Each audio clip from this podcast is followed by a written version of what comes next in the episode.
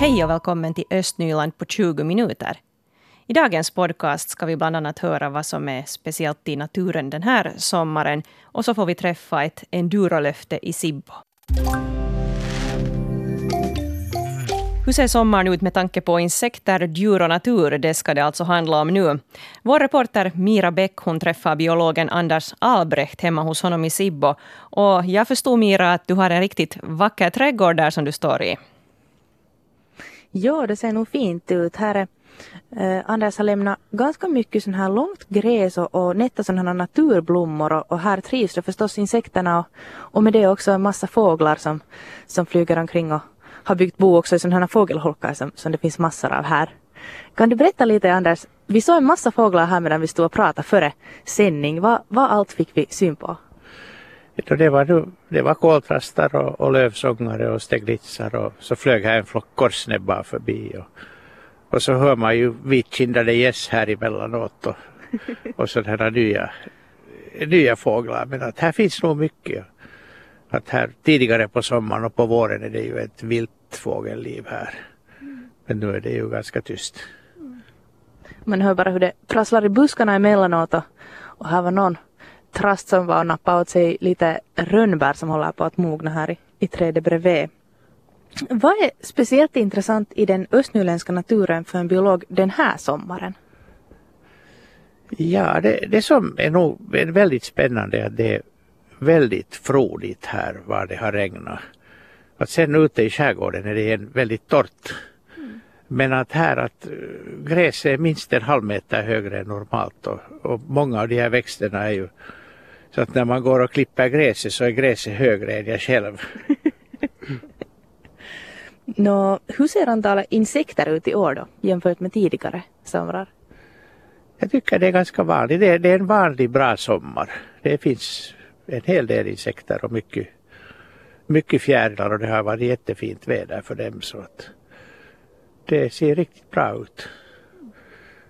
Du berättade här tidigare att du är specialiserad på, på bladlöss. Finns det många sådana här i din trädgård också? Ja, nu, finns, nu har jag väl en, observerat en över 200 arter här i, i trädgården. Det är inte bara den där gröna som man brukar tala om? Nej, det finns all, alla färger och otroligt, otroligt granna och, och massa fantastiska färgteckningar de har. Och det är en spännande grupp. Nå, en del upplever att det finns mycket myggor och, bromsar i år. Hur ser du på, på läget? Nå, här vad jag har rört mig så är det inte speciellt någonting ganska normalt att det där var det fuktiga skuggiga skogar, där finns det ju mera men att inte mycket och den här vår, vår försommarmygg myggboomen så den uteblev för att det, det blev inga pölar i skogarna snösmältningen var speciell så att det lämnade inget vatten efter sig. Så det var en nästan myggfri försommar här. Norrut är det ju sen en annan sak. Mm. Hur, finns det mycket myggor nu liksom i slutet av sommaren? Har de hunnit föröka sig en gång till däremellan?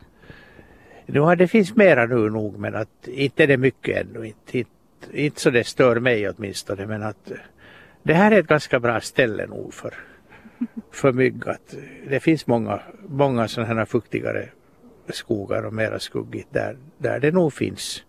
Men det är helt normalt det också att en del ställen har bara en massa mygg. Mm. Nå, hur inverkar den här värmeböljan som nu pågår på insektmängderna? Vad tycker de om den? Ja, dels, dels tycker de om den, de är ju, de är ju värmeälskade och så länge det finns fukt så är allt okej. Okay. Men sen när det är Eh, är tillsammans med torka så då, då går det illa för många. För till exempel fjärilarna när de kläcks så de kan inte pumpa upp vingarna. De pumpar ju upp det med vätska och det, då, om det är för torrt så, så blir de bara skruttor och det blir ingenting. Och det kan hända nu men nu, nu har det ju regnat också i skärgården lite. Det har ju kommit sådana åskbyar som, som har gett ordentligt med vatten. Det säger biologen Anders Albrecht som jag träffar här i, i Sibbo. Vi skulle kunna ta en, en låt här emellan och, och sen tala lite mer om fästingar och, och alger. Mira, har du fått någon fästing på dig där du står där i trädgården? Nej, inte ännu i alla fall. Jag tror inte det.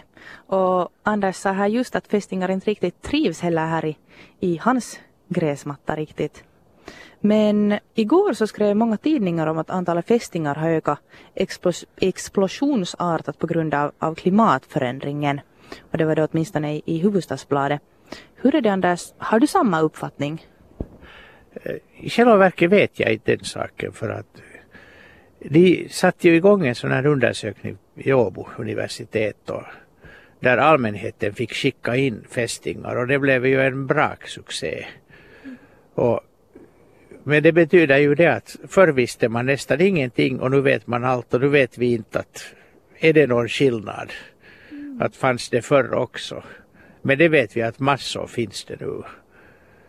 Så att vi ska nog se upp. Men jag, jag tycker nog från, från min ungdom när jag minns vi var då ute och fångade fjärilar på nätterna och så låg vi i gräset och sen kunde man ha upp till 200 fästingar hade jag som mest. Att nu fanns det då också. Det, det var då på 70-80-talet. Du har inte blivit sjuk av dem ändå? Nej, inte, inte medvetet. Antagligen är jag immun mot allt vad de hämtar. Okej. Okay. Nå, vilka områden här i Östnyland tycker du att är speciellt utsatta för, för fästningar? fästingar no, skär, skärgården är ju ofta nog och det är, det är ett bra klimat och sen är det ofta sand. Det är, det är mark som släpper igenom vattnet och det, det är bra för fästingarnas övervintring. lerjordar är inte lämpliga. Det blir ofta vatten på vintern och, och dränker dem. Så att sådana här sandmarker och sen sån här luckor, mulljord som det ofta är Lunda, det, det passar den bra också. Sen sägs det ju att den tycker om att leva i, i högt gräs men du sa här att det kanske inte, inte så det jättehögt ändå. Nej, det, de, de vill gärna ha värme och så det är ofta torrängar där det inte är så jättehögt där gräset som är det, är det värsta. Och, och sen nog ofta gärna i blåbärsris och sådär så man får ju när man plockar bär. så man måste akta sig när man går ut i blåbärsskogen. Nå, om vi går över till, till alger, hur börjar det se ut med algblomningen här i, i regionen? Det börjar se ganska tråkigt ut. Att det är speciellt lite längre ut på djupet. Och, och jag, jag har tagit no några prover här och tittat bara vad det är. Och, och speciellt här i, i Sibboås verkningsområde så är det väldigt tråkigt för den, det har varit sånt väder att det, har, det här åvattnet har blivit och göder då kustvattnen men men också annanstans där var det djupare vatten så, så det, det är mycket, det har inte varit mycket av dem som anses vara det giftigaste men i alla fall det är en, man behöver inte, inte ta mycket med en planktonhov så har man en enda gröt. Och, så att det lovar nog inte gott det här och den här värmen så det, värmen och det att det är lugnt väder så de kommer upp till ytan. Det kommer att se ganska tråkigt ut i slutet av veckan. Så man ska se sig lite omkring före man hoppar i plurra om man ska simma. Eh, du sa just att, att det kan se dåligt ut i, i slutet av veckan men om den här värmeböljan fortsätter ännu, ännu längre än det så hur ser algläget ut då? Eh, då blir det ännu värre. Mm. Så att det, det, vi, det vi får hoppas på är bara att det skulle blåsa upp lite emellan och gärna får, får det lite, lite bli svalare också men att det är nog inte ovanligt med sådana här. Förra sommaren var ju, var ju väldigt varm också.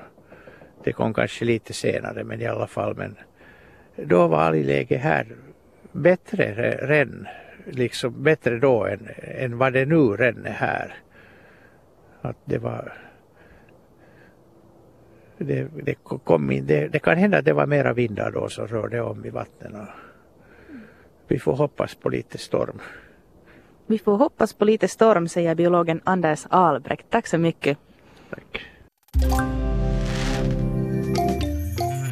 Nu ska vi få träffa 20-åriga Hugo Svärd som tävlar i enduro på VM-nivå. Och vår reporter Mira Bäck har nu tagit sig hem till honom där i Paipis i Sibbo. Mira, jag förstår att du har fått titta lite på motorcyklar nu. Ja, vi står här inne i garaget och tittar. Här är två sådana här enduromotorcyklar som han är mest använder. De är båda blåa och så står det numret 128 på dem. De ser lite olika ut, ena är lite större och andra lite mindre. Berätta lite Hugo om de här motorcyklarna. Ja, som sagt här är två olika. Det där, eh, här är en 250 med, med cross, crosscykel som jag, som jag tävlar, eller tränar och tävlar på, på instängda områden och det där. Och så har jag sen min 125 och där står bredvid och, och det är den som jag tävlar liksom mer på allvar i enduro så att säga och det där. Och ja.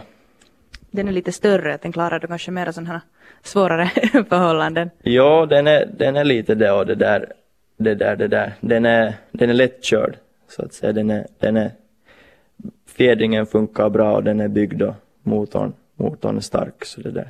Det är roligt att köra. Mm.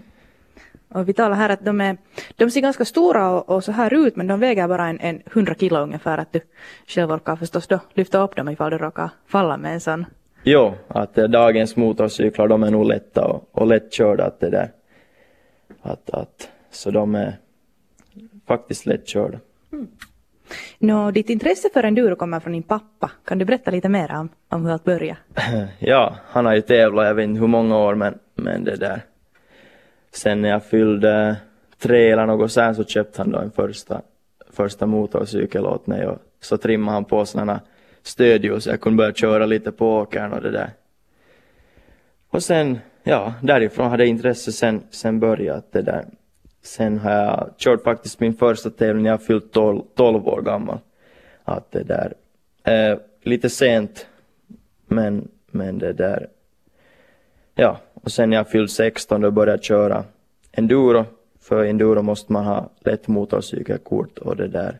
Det fick jag då när jag fyllde 16 så, så sen, sen dess har det, har det varit mer på allvar. Mm. Och nu är du 20 och sen några år tillbaka så har du kört på, på VM-nivå. Mm. Eh, det här med enduro, det lär vara, vara lite som rally bara att man då kör med, med motorcykel. Vad är det roligaste med att köra enduro? Ja, jag tycker om att vinna så att säga. Att det där. Nej men det, det är ju roligt, det ser ju häftigt ut, det går undan och, och sanden sprutar och så här men, men det där. Jag tycker nog om att, att det där eh, att prestera bra och sen, och sen att vinna. Vinna det, det är min jotto. Mm. Och är det liksom sådär att du kör vet du, ute i skogen på någon bana och ska komma över stenar och stockar och allt möjligt? Nå, no, det, det är lite så nog att det där, att det är just transportsträckorna. På rally så kör de på vägar men då, men då kör vi i skogen i, i, i mer svåra förhållanden och sen eh, så har vi sen så specialsträckor däremellan, det är där då som man liksom, som man klockar och, och, och det är där man tävlar. Att det där. Men, men det är långa dagar och kan vara sju till åtta timmars dagar att det där, det är tufft. Är det farligt då? Nå det kan det vara. Att det där, för vissa händer det mer och för vissa mindre. Att det där, att, att jag har klarat mig faktiskt ganska bra men, men det där, men ja, nu händer det ibland grejer. Ja, Hugo Svärd tävlar i, i VM i, i enduro. Just nu är det sommarpaus på gång. Men snart så börjar det igen. Hur har det gått för dig hittills, Hugo? Uh, jag tycker det har gått faktiskt ganska bra. Inga skador och, och det där, uh, lite upp och ner har det ju varit med resultaten men att, men jag ligger totalt fyra i tabellen som är, som är okej. Okay. Det är hård, hård konkurrens i år att det där, där är många som, som kör bra och, och det där men jag är nöjd. Jag är faktiskt nöjd. Och 2017 hade du din första säsong i VM, då blev du fjärde. Vilka förväntningar har du den här gången? Mm, jag ligger samma nu som jag, som jag var då, att det där och med tanke på att det är hårdare konkurrens nu så, så det där så, så känns det bra nog men, men det där det finns två tävlingar kvar och jag, jag gör mitt bästa för att, för att det där kunna knipa några poäng ännu så, så om allt går som det ska så, så kan jag ha till och med eh, möjlighet att, att bli bland tre bästa i VM. Okej, okay, vi får hoppas på det. Vilka länder är det som du ska tävla i ännu i höst? Du får ju resa omkring ganska mycket. Jo, det blir nog en hel del att det där. Att det där, men nu, nu så ska jag till, till Tjeckien och sen är det några veckor paus och så ska jag till Frankrike. Och där är då sista deltävlingen. Att det där. Så, så ja, det blir nog tufft. Hur skiljer det sig att tävla i, i andra länder och att tävla i Finland? Det är väl kanske lite olika, annorlunda terräng och sådär? Nå ja, det är det ju. Att det där, eh, det är ju mycket varmare brukar det ju vara utomlands. Och det där och, sen eh, liksom marken är ju mycket, mycket hårdare och, och torrare brukar det vara. Och, och mycket mer liksom upp och ner för än i Finland. Att det, där. Det, det är nog lite annorlunda. Vi har inte så höga berg och kullar här. Jo nej, att det där, därför, därför är det bra. Jag brukar vara vintertid så brukar jag vara nere i Spanien och, och träna just på sådana underlag som vi tävlar sen. Sen att det där, det är lite, lite svårt att hitta sådana på vintern här i Finland. Mm. No, förutom att träna och, och, att köra så gör du också sån här fysisk konditionsträning och, och jag hörde att du håller på med långa och lugna cykelfärder och, och skidning till exempel här då när du inte tävlar. Varför ska det vara just sådana långa och lugna träningstillfällen? Mm, jag har gått på sådana sådana syreupptagningstester och, och sånt och, och där har det då kommit fram att, att det där, och jag fick order ifrån att om jag vill bli bättre så ska jag just göra sådana här, sådana här två timmar, mer till och med med låg puls, så att det där för att kunna, det är liksom eh, svårt att förklara men det, det hjälper sen en att kunna ligga på en högre nivå längre i en tävling. Att det där, jag, jag är inte så, så insatt i det där, hur det funkar men, men det där, så har de sagt att jag ska göra. Ja. Nu, hur fysiskt påfrestande är det att tävla i, i enduro? Men nu är det ju tufft att det är långa dagar och, och det där tuffa transportsträckor med, med berg och upp och nedförsbackor att det där och sen plus, plus långa sen. De brukar vara tio minuter de som man liksom tävlar på där var man tar tid. Att då får man ju sen köra på, på fullt så att säga. Att det där. Att det, den dagen är slut så, så känner man sig nog ganska matt. Mm. Nu, vad har du för framtidsplaner? Ja, jag vill tävla så länge som det är möjligt och det där eh, målet är någon dag att, att, att det där liksom få betalt för att tävla och, och liksom kunna leva på det. Att det där, men, men världsmästare vill jag ju bli. Att det där, det är dit jag siktar.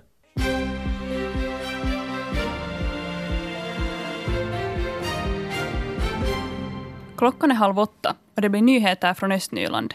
Mitt namn är Victoria Rikonen. God onsdagsmorgon. I Östnyland har algblomningen kommit igång ordentligt. Utanför Emsalö i Borgo förekommer det rikligt med alger. Det är vid Risholmen och utanför Svartbäck som man har iakttagit en riklig mängd med blågröna alger. I skärgården utanför Kotka förekommer det mycket rikligt med alger. Det är det varma vädret som har gjort att all, algernas blomning har kommit igång för den här sommaren. Det odrickbara vattnet i Kärkko i Borgo kan komma att kosta en hel del. Det skriver tidningen Osima. Kostnaderna kan bli upp till tiotusentals euro, men den egentliga summan klarnar efterhand. Det är saneringen av vattenledningsnätet och Tukkilas gårds förlorade inkomster på grund av vattenkrisen som kommer att kosta. Också vissa hushållsmaskiner såsom diskmaskiner och tvättmaskiner måste eventuellt bytas ut i hushållen på området. Det går fortfarande inte att dricka vattnet i Kärkko. Tallbacka bro i Nickby stängs av för lätt trafik nästa veckas måndag. Bron är avstängd för reparationer mellan den 29 juli och senast den 9 augusti. Det meddelar sydöstra Finlands näringstrafik och miljöcentral. Trafiken dirigeras till en omväg via Ny Nybrovägen. Omvägen är en kilometer lång. Vem ska få Pyttis kommuns årliga kulturstipendium? Som bäst kan man lämna in förslag om det till kommunen. Tanken med stipendiet är att uppmärksamma kulturgärningar i kommunen som berikar kommuninvånarna och som så att säga placerar Pyttis på kartan. Kulturgärningen kan vara till exempel ett konstverk, en bok eller ett evenemang.